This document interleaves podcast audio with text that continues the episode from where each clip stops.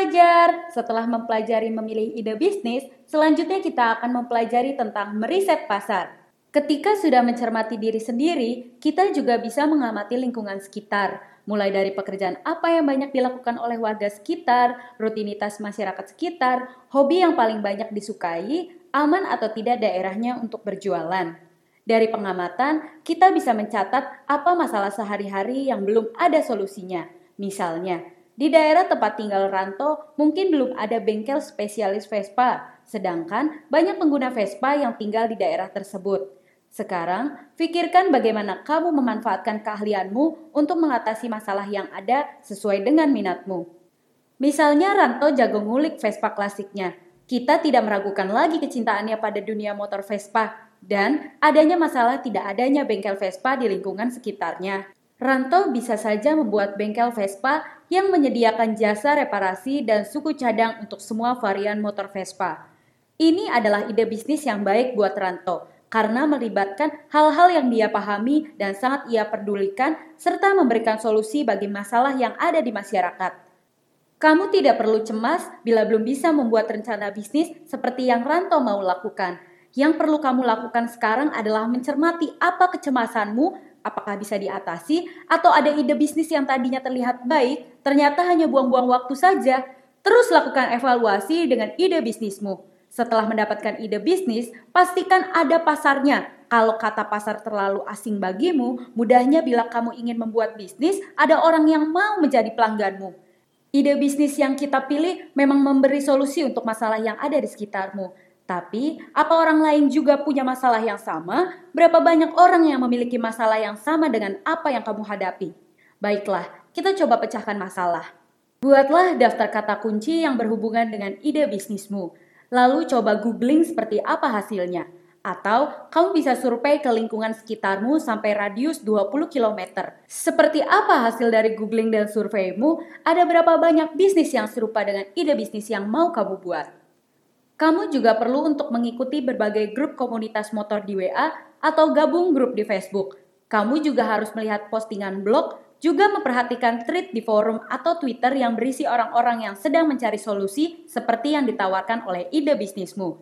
Kamu juga mesti memperhatikan apa mereka menyebutkan brand atau solusi dari masalah yang mereka bagikan di sosial media. Untuk mendapatkan data, kamu bisa mencari kata kunci bisnismu di Google Trends. Cermati seberapa sering kata kunci itu dicari, lokasi pencarian, dan perhatikan gender hasil pencariannya. Frekuensi pencarian terhadap kata kunci juga berperan dalam pengambilan keputusanmu nantinya untuk membangun bisnis. Apakah solusi yang kamu tawarkan bisa diterapkan sepanjang tahun atau hanya musiman? Jika setelah mencari data, ada bisnis lain yang idenya sama denganmu, bukan berarti kamu harus menyerah dan lupakan idemu. Jangan takut untuk berkompetisi. Ide bisnismu tidak harus melahirkan bisnis yang baru. Kamu hanya perlu menawarkan solusi yang lebih baik dibanding kompetitormu. Mungkin kamu akan bertanya bagaimana cara untuk berkompetisi dengan kompetitor. Baiklah, mari kita buat daftar hal-hal yang bisa diperhatikan dan kita bisa menambah nilai tambah dari bisnis mereka. Coba tanya sama diri kamu sendiri, apakah kamu bisa menawarkan produk atau jasa yang lebih berkualitas dibanding kompetitormu? Memberikan servis yang lebih baik dibandingkan kompetitor? Membangun brand identity yang lebih unik dibandingkan kompetitor? Atau bisa memberikan value yang lebih dibanding kompetitor?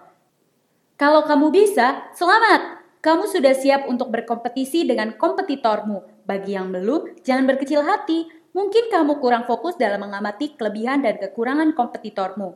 Untuk lebih memahami apa yang bisa kita perbaiki dari bisnis kompetitor, kita akan kembali membuat ilustrasi sebagai contoh. Misalnya, Ranto mungkin saja menemukan bengkel Vespa dan hanya menjual suku cadangnya saja. Dari situ, Ranto bisa menambah fitur jualan aksesoris di bengkel Vespanya yang tentunya bisa dibeli secara online juga.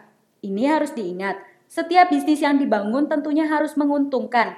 Karena itu, luangkan waktu untuk memikirkan bagaimana ide bisnismu bisa menghasilkan uang yang cukup agar bisnismu tetap berjalan. Sebagai evaluasi kamu, harus sering meminta masukan dari orang lain tentang ide bisnismu. Mintalah masukan dari orang yang kamu percaya, orang yang berpengalaman di bidangnya, dan orang yang bergerak yang sama dengan ide bisnismu. Sebagai contoh, Ranto bisa saja berdiskusi tentang ide bisnisnya dengan komunitas Vespa yang dia ikuti.